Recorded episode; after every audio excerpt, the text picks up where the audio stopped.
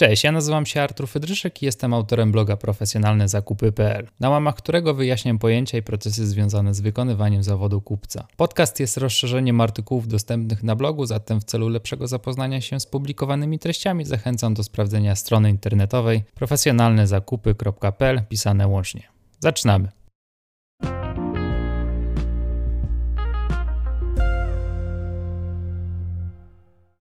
Dzień dobry, cześć. Dzisiaj opowiem Wam na temat różnic pomiędzy procurementem a purchasingiem.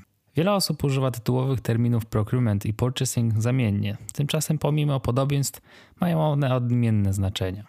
Co więcej, różnią się ogólnymi intencjami, celami oraz zadaniami wykonywanymi w ramach poszczególnych z nich.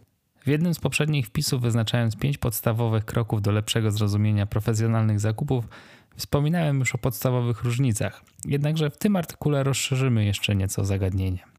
Podział wynikający z procesu zakupowego. Działy zakupów we współczesnych firmach muszą mierzyć się z wieloma trudnościami, gdyż pełnią wielozadaniowe funkcje. Zakupy obejmują zarówno analizę rynku i wydatków, kreowanie strategii, organizowanie konkursów ofert, negocjacje, jak i wystawianie zamówień na płatnościach kończąc. Kompleksowość procesu zakupowego naturalnie wymusiła podział poszczególnych etapów pracy zakupowej na dwie grupy działań. W związku z czym zakupy dzielimy na strategiczne procurement i operacyjne purchasing. Procurement definicja. Procurement, czyli zakupy strategiczne, definiuje się jako działania poprzedzające zawarcie umowy kupna związane z nabywaniem produktów lub usług. W głównej mierze odpowiadają za zarządzanie zakupami, czyli wyznaczanie odpowiednich strategii zakupowych dla danych kategorii, wykorzystując do tego wszelkiego rodzaju analizy, narzędzia i metody pozwalające osiągnąć maksimum korzyści. Do głównych zadań pracowników strategicznych działów zakupów procurement należeć będzie badanie rynku, w tym benchmarking oraz sprawdzanie trendów, analiza wydatków, kreowanie strategii dla danych kategorii zakupowych, wyszukiwanie potencjalnych dostawców, tworzenie preferowanej listy partnerów biznesowych, przygotowywanie i przeprowadzanie konkursów ofert, zwanych także przetargami, przyjmowanie i ocena ofert, negocjacje i wybór odpowiedniego dostawcy, opracowywanie i zarządzanie umowami, oraz zarządzanie relacjami z dostawcami. Purchasing definicja. Purchasing, czyli zakupy operacyjne, w ich roli są działania operacyjne związane z nabywaniem towarów i usług wymaganych przez organizację. Ten proces obejmuje w głównej mierze wykonywanie zamówień wraz z ich odbiorem i realizacją płatności. Poniżej lista podstawowych obowiązków należących do pracowników działów operacyjnych purchasing. Planowanie i kontrola stanów magazynowych, wystawianie zamówień do dostawców, wykorzystując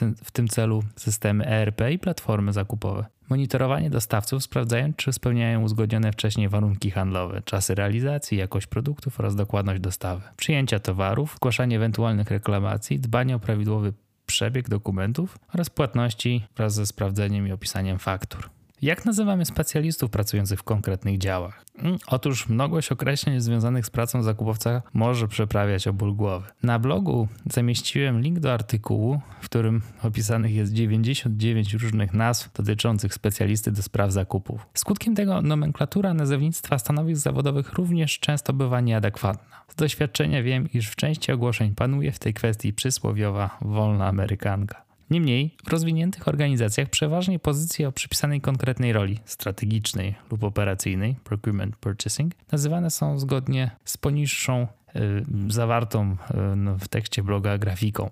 I tak stanowiska przypisane do działów operacyjnych purchasing częściej nazywać będą się specjalista do spraw zakupów, specjalista do spraw zaopatrzenia, specjalista do, do spraw postępowań zakupowych, pracownik w dziale zakupów lub zapasu, czy po prostu zaopatrzeniowiec. Natomiast osoby przypisane do działu strategicznych procurement częściej nazywane będą kupcami, z angielskiego buyerami, konsultantami zakupowymi, specjalistami do spraw sourcingu, kierownikami kategorii, kategorii menedżerami z angielskiego oraz koordynatorami zakupów. Kluczowe różnice i podsumowanie. Zasadniczo rozróżnienie między jednym a drugim pojęciem może być sytuacyjne. Często w przypadku mniejszych firm, gdzie nie ma wystarczającej liczby pracowników, nie ma powodu, aby dokonywać jakiegokolwiek podziału. Pracownik w dziale zakupów musi robić wszystko, co konieczne, aby wykonać zadanie. Małej firmie i pracownicy zazwyczaj pełnią kompleksowe funkcje dwa w jednym. Inaczej w przypadku korporacji, gdzie dział strategiczny procurement przeprowadzi proces wyceny, wyselekcjonuje i skontroluje odpowiedniego dostawcę oraz wynegocjuje warunki i umowę. Dział operacyjny purchasing może następnie składać zamówienia na podstawie zawartej umowy, śledzić wydajność dostawcy i zajmować się codziennymi problemami związanymi z dostawą, jakością i wszystkim innym dookoła. W niektórych przypadkach obowiązki działu operacyjnego może pełnić klient wewnętrzny, np. osoba z działu marketingu. Zatem procurement wyznacza działania długoterminowe definiowane jako bardziej strategiczne, natomiast purchasing egzekwuje ustalenia w codziennych czynnościach transakcyjnych. Spotkałem się kiedyś z twierdzeniem, że w amerykańskim angielskim pojęcia te definiowane są dokładnie odwrotnie, co zdaje się potwierdzać definicja znaleziona na wiki, amerykańskiej Wikipedii, przy czym w niedalekiej przyszłości postaram się zweryfikować, jak to jest w rzeczywistości. Niemniej należy pamiętać, iż rozmawiając z Amerykanami, określając strategiczne czynności, lepiej używać słowa sourcing. Jak widzisz, praca kupca i pojęcia z nią związane bywają problematyczne. Liczę na to, że moje artykuły pozwolą Ci lepiej zrozumieć poszczególne terminy, co przełoży się na poprawę Twoich dotychczasowych błędnych przyzwyczajeń, jeśli były błędne oczywiście. Jeżeli potrzebujesz pomocy lub dodatkowych wyjaśnień, zapraszam do kontaktu poprzez formularz kontaktowy na stronie profesjonalnezakupy.pl jeżeli uznajesz, że ten artykuł lub podcast, jeśli słuchasz tego na jednej z, z, platform streamingowych, był dla Ciebie pomocny, zachęcam do sprawdzenia pozostałych wpisów. Staram się zamieszczać artykuły mniej więcej co tydzień, zatem zachęcam do śledzenia oraz zapisania się do newslettera, po zapisaniu się do którego otrzymujesz ode mnie mały gratis w postaci dokumentu RFI wewnętrzny, do wewnętrznego klienta. Dzisiaj to wszystko, dziękuję za uwagę, do usłyszenia, trzymajcie się, cześć.